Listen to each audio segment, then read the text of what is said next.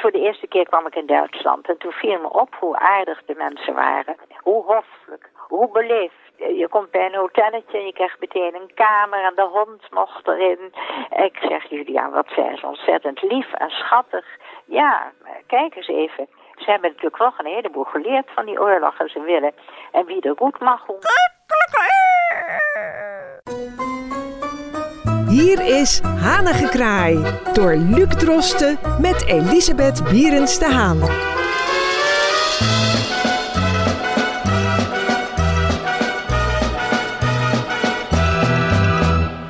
Dat klopt. Dit is inderdaad Hanengekraai met Luc Drosten, dat ben ik. En Elisabeth Bierens de Haan zit weer aan de telefoonlijn. Mevrouw Bierens de Haan, we zijn er weer. En we gaan vandaag... We zijn er weer. We zijn er weer en we gaan in op een eh, kwestie waar wij het ook twee jaar terug alles over hebben gehad. En waar nu een vervolg op komt. En dat is het inmiddels voltooide en onlangs geopende namenmonument. Waar u natuurlijk, en dat weten de trouwe luisteraars, eh, ja, een nauwe verwantschap mee voelt. Zo heeft u zelf eh, hè, de naam van uw grootvader ook ervoor gezorgd dat hij daarin komt en daar een certificaat van, dat ook in uw boek staat. En u wilde het, uh, het namenmonument graag wederom bespreken. En dat heeft vast te maken met de opening ervan. Het is heel imposant. En ik vond het uh, fijn dat de koning er was. Dat vond ik uh, aangenaam, prettig. En uh, er waren nog meer ja, mensen die daar zeer nauw bij betrokken waren. Ik kon helaas niet gaan, omdat het niet meer zo makkelijk loopt. Maar ik heb het op de televisie gezien en ik ben blij dat dit gebeurd is. Heeft u niet toch behoefte om het namenmonument zelf echt te zien en te bezoeken? Nee, ik heb een leerling en die heeft me gisteren al gebeld. Die was daar ter plekke. En ze heeft het gevonden, ze heeft het plaatje gevonden, ze heeft er foto's van gemaakt. Ach. Ze is een fotografe, ze laat het uitvergroten. En ze maakt prachtige foto's. En een van haar foto's staat in mijn laatste boek, uh, Grootvaders laatste reis. En dan heeft ze het huis van mijn grootouders gefotografeerd, hoe het in de huidige staat, hoe dat uh, Amsteldijk 11 hoe dat huis er nu uitziet. En dat is erg mooi. Dus ik heb een oude foto van vroeger en de huidige foto. Dus zij heeft foto's gemaakt. En eh, wat belangrijk is, eh, ik heb me gericht op mijn grootvader, omdat ik die ook gekend heb. Ik zat Ja. bij hem op schoot. Grootvader is vergast in Auschwitz. En mijn oudoom is vergast in Sobibor. En dat zijn twee vreselijke, walgelijke kampen.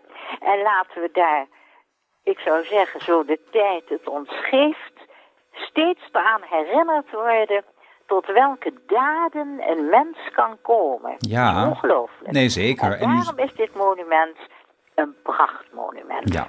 Dat is goed. Ja. En als er mensen zijn die, hé, dat is allemaal niet gebeurd. Nou ja, die zijn gek, hè. Dus eh, die, die laten we even bijzijden. Maar het gaat om dit monument als een geste. Als een tegemoetkoming. Als een eerbetoon. En al die mensen die niet een mooi graf hebben gekregen. En die allemaal in de ovens van Auschwitz is, of in Sobibor, of in Dachau. De as is vervaagd in de lucht uit de ovens van deze walgelijke kampen. Ja, en heeft u ook, eh, want er was ook eh, tegenstand, hè? er waren ook tegenstanders van het namen monument. Mensen die daar in de buurt wonen bijvoorbeeld, want het is Ja, een best wel, het is een behoorlijk, ja. ja. ja, nou ja, meerdere redenen natuurlijk inderdaad. De, de hele buurt is toch wel erg veranderd. Het is een behoorlijk pontificaal monument dat ook veel plaats inneemt. Ik kan me ook voorstellen dat sommige mensen nu iedere dag uitkijken op het monument, wat eerder niet het geval was. Heeft u begrip voor hun standpunten? Het is juist goed dat mensen erop uitkijken. Ze worden gedwongen om te kijken. Ze worden gedwongen. Mhm. Dat is voor mooi. Ja. En eh, soms is dwang heel goed. Ja. Nou ja, dat is natuurlijk ook het verschil tussen eh, een, een, een monument bezoeken omdat je v- wilt stilstaan bij wat er allemaal gebeurd is. En anderzijds iedere dag ongevraagd, als je er woont, weer daarmee geconfronteerd worden. Ik vind het uitstekend dat je ongewild met je neus op de feiten wordt gedrukt. Dat brengt ze denken. Ja, En dat is goed. Ja. Een mens moet goed nadenken. Wat doe ik? En wat zie ik? En wat hoor ik? denkt u dat ehm, uiteindelijk het het, het monument meer bezocht zal worden door toeristen dan door lokale bewoners. Ja, dat denk ik wel. Ja. En daarmee geeft Nederland dus een, Nederland dus een internationaal teken af Ja. tegen het antisemitisme. Ja, zeker. Ja. Ja. Hoe kijkt u naar het, Duitsland van nu? Het Duitsland van nu. Ik zou je zeggen, toen mijn man en ik, eh, dat is een jaar of 25, iets langer, 28 jaar geleden, gingen we geregeld naar Zwitserland.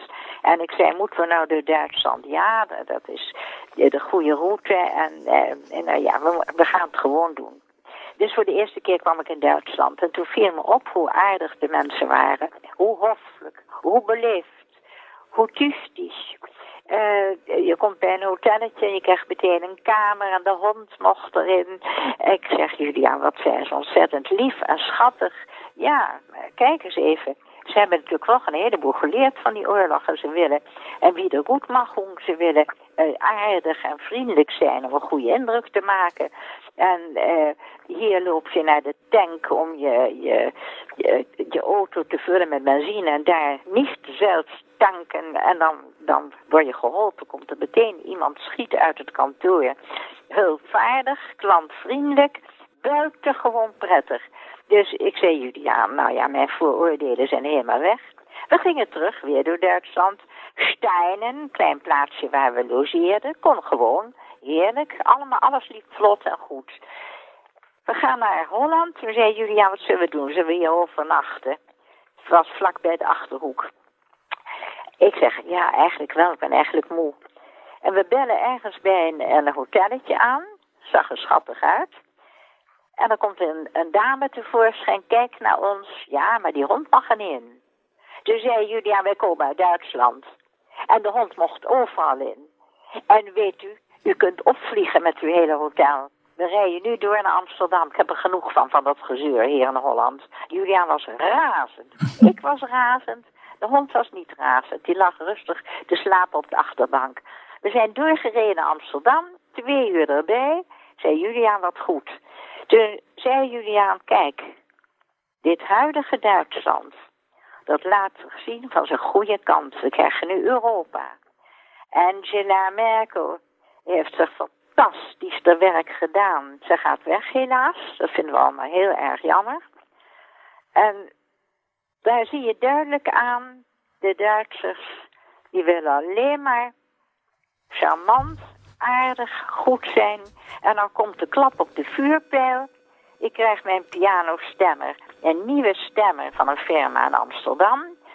En die meneer komt binnen. Hij gaat naar de piano. Ik zag meteen, dat is een prima man. Die heeft kundige handen en oren. Zei hij, ja, wat vindt u vervelend? Ik ben van Duitse afkomst. Mijn vader was in het leger. Ik zei, lieve meneer, kijk eens, u krijgt van mij het boekje mee, Grootvaders laatste reis. Wat kunt u eraan doen? Dat uw vader in dit regime mee moest lopen. U bent een prachtstemmer. U hebt net hebt u wat noten gestemd terwijl ik even in de keuken was. En dat hebt u uit uzelf gedaan. U bent beleefd, u bent hartelijk. Ik zeg, we moeten vooruit. We moeten verder. Toen zei hij, wat vind ik dat vriendelijk van u. Dus die man had een trauma dat hij door zijn accent... Ja. Ik zei, dat klinkt, het Nederlands klinkt dan, heeft juist iets charmants. Toen zei hij, nou maar, ik krijg toch veel kritiek. Ik zeg, nou maar niet van mij.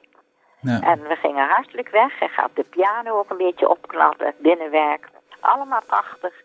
En daar heb je nou een zoon van een Duitser die in dat regime zat. Ja. En wat kan die zoon eraan doen? Ik denk dat het voor heel veel eh, mensen van die tweede generatie een leven lang trauma is geweest. Onzin. Ja, precies. En dan Als hebben we nog eventjes de Duitse politiek. Door mij is de- die man was een beetje bedrukt. En doordat ik dat zei, ik keek hem aan. Ik zei, u krijgt ook mijn boekje. U verdient het, omdat u een goede Duitser bent. En laten we even teruggaan naar Beethoven. Johann Sebastian Bach, Beethoven had ook Vlaams bloed. Maar denk aan de Duitse componisten. Ja, Ja. En dan opeens komt er zo'n satanisch gebeuren, de Tweede Wereldoorlog. Maar Ja. we moeten nu verder. Verenigd Europa. Ja. We zijn een verenigd Europa. We willen de Verenigde Staten van Europa. Het lijkt nog op niks, maar we willen het. Ja, en dan is er een politieke partij die dat heel erg uh, probeert. Dat is ook een internationale politieke partij die ook in Nederland nu een voet aan de grond heeft gekregen in de Tweede Kamer. Of dat, hè? dat is Volt. Hoe kijkt u daarnaar, Volt? Die partij moet zich waarmaken. Het is nog het begin. Het is Jawel. prematuur. Maar vindt u het een goed initiatief om een Europese partij op te richten, die dus in meerdere landen uh, in het parlement kan komen, juist voor het bewerkstelligen van die internationale uh, projecten? Ja, dat vind ik wel. Dat is goed. Ja. Nou, we moeten maar eens praten in een andere aflevering over wat volgens u een ideaal kabinet zou zijn.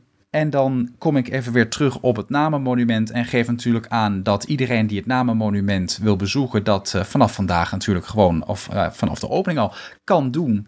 En mevrouw ja. Bierens de Haan, u geniet van het Namenmonument op afstand. U heeft een foto, u heeft het certificaat en u heeft de wetenschap dat Amsterdam voor altijd verbonden blijft met de geschiedenis op die manier. Precies wat je zegt, Luc. Je zegt het prima. En we gaan volgende week uh, gaan we weer door uh, op een ander onderwerp. Mevrouw Bierens. Samenwerking is het devies wat ik geef. Samenwerken, samen muziek maken, samen politiek. Maar niet zeggen, nee hoor, we gaan niet uh, regeren met die partijen. Nee hoor, ja, dat doen we niet. Dat vind ik zo babyachtig zeg. En samen een podcast maken. ja, dat zeg je heel goed. Ja, Luc, Dus, samen eh, podcast. Ik zou Ja. zeggen, tot volgende week. Tot volgende week, Luc. Wilt u reageren? Mail naar hanigekraai.amsterdammefm.nl en uw bericht komt terecht bij mevrouw Berends de Haan.